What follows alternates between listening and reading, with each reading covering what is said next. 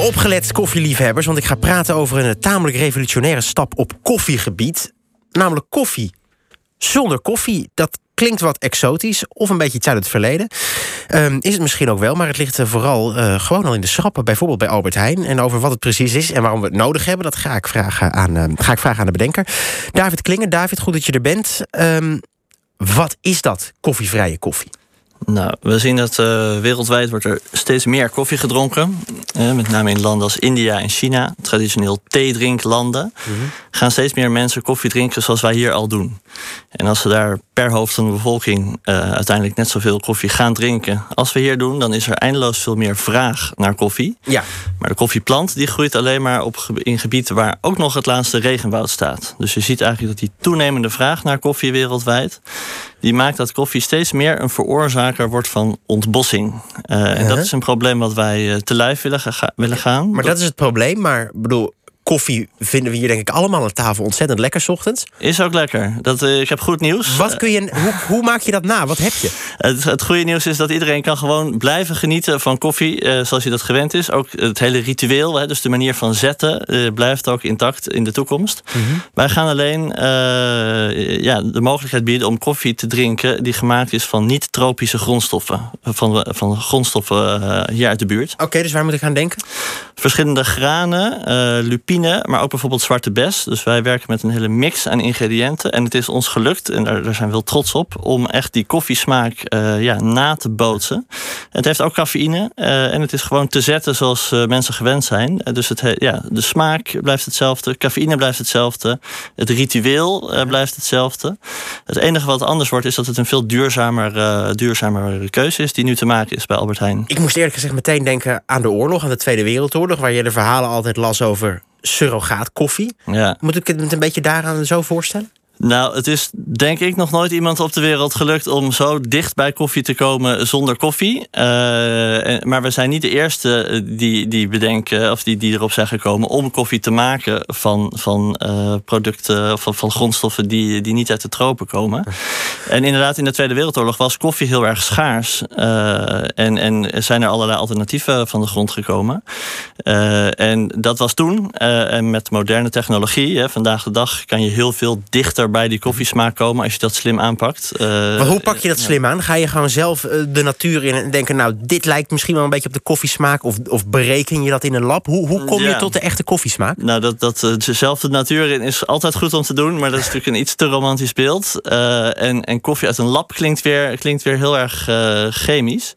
Wat wij doen is eigenlijk een beetje daartussenin. Dus wij werken wel met Wageningen Universiteit samen. Uh, maar we begonnen echt met kijken, samen met, met hun, dus echt een theoretische studie.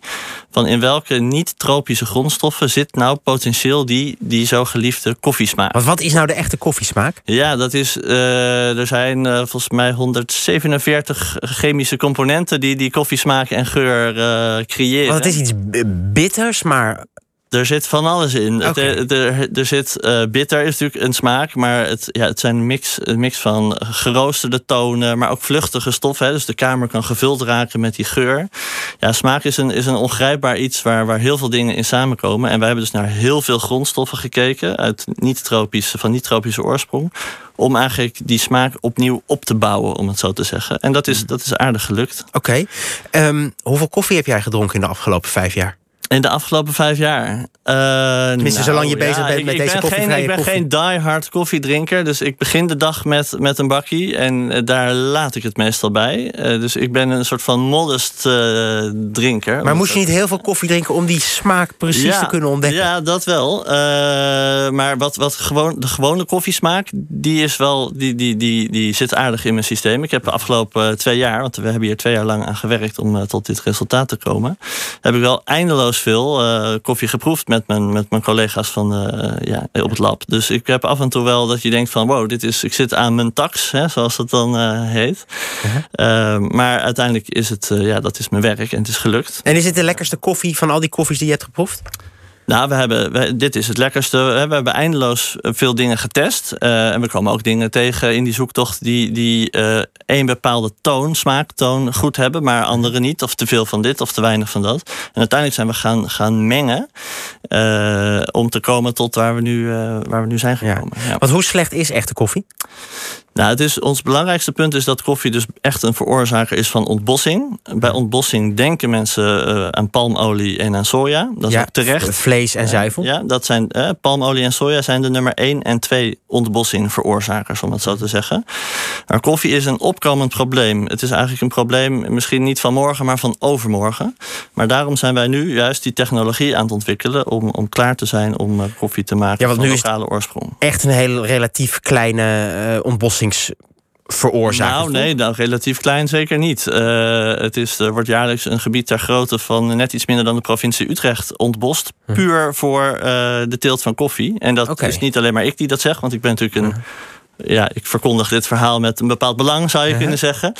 Uh, dit zijn de cijfers van uh, die koffiebarometer die uh, recent is uitgekomen. De Solidaridad, die stelt een gebied van ja, 130.000 hectare... wordt er jaarlijks gemiddeld in de afgelopen 20 jaar ontbost... puur voor de teelt van koffie. Ik ben ontzettend benieuwd uh, hoe het smaakt. Je hebt hier een Ja. het is een gewoon espresso-apparaat, maar je- want Ja. jij hebt nu een, een, een cupje. Mag ik eens Een? Nespresso-apparaat, ja. We hebben, Geen plastic cupje, eh, ik? Voor ons belangrijk, wat ik al zei, het ritueel van koffie is voor mensen heel belangrijk. Uh-huh. Eh, dat laten we intact. Dus de manier van zetten blijft hetzelfde. Dus bij Albert Heijn kan je gewoon filterkoffie kopen. Overigens met en zonder cafeïne.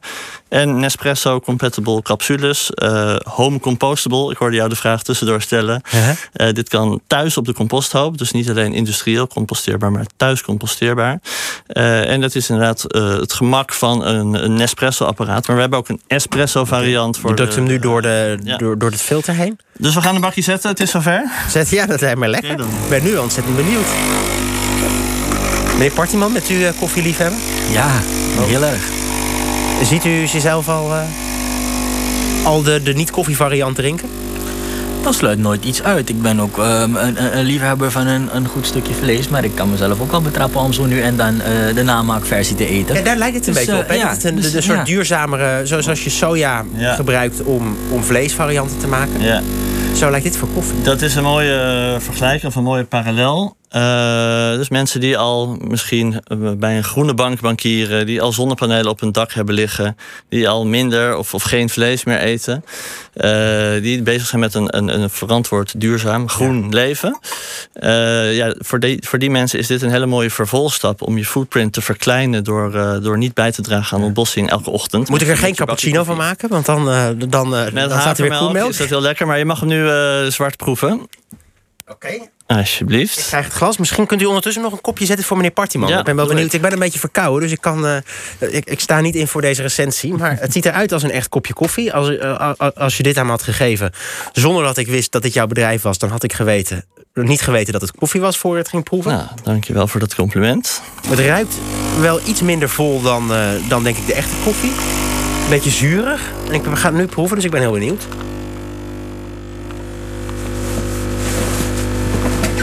Ehm, een beetje zoeter. Ja, ik zeg niks of ik, ik ga anders eh, jou beïnvloeden. Dus ik ben benieuwd naar jouw eh, verkoude oordeel over, over de smaak. Het kan aan mijn neus liggen. Maar ik zou het morgenochtend nog niet meteen zetten, eerlijk gezegd. Waarom niet? Oh, het, het is een beetje, het is wat vlakker. Het is een beetje... Ja, ik heb hem als Americano gezet. Hè? Dus ik zal voor de andere gasten als espresso zetten. Dan is het Dan ben ik van benieuwd. die... Maar dit, dit is zeg maar... Maar nu, ga- nu laat ik het aan meneer, eh, aan meneer Partiman, die ook een slok neemt. Ik kan nog zeggen dat, eh, kijk, als je hem zwart drinkt, dat is de beste manier om hem te proeven. Dan kom je Ja. echt tot de kern en dan ontdek je van waar staan wij nu met onze ontwikkeling.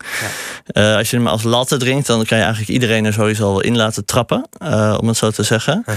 En onze espresso variant, die heeft echt heel veel body. En dit is ge- ge- gebaseerd op de meest toegankelijke koffie, zoals de meeste mensen hem Ja, drinken. ik snap ook wel, het lijkt er wel op. Het is, maar bedoel, je komt er in de buurt, meneer Partiman. Wat, Ja, het wat komt er wel heel goed in de buurt, vind ik. Nou, die- Dat is, deze- bent ja. verkouden, vriend. Ja, dat is het, ja. goed in de buurt. Het, het kan best eraan liggen dat, ehm, dat die ehm, wat meer water erin had en dit een iets sterkere variant is. Ik drink mijn koffie zelf ook gewoon als espresso. Ja. En het is iets minder bitter dan een, ehm, een traditionele espresso, dat, dat wel.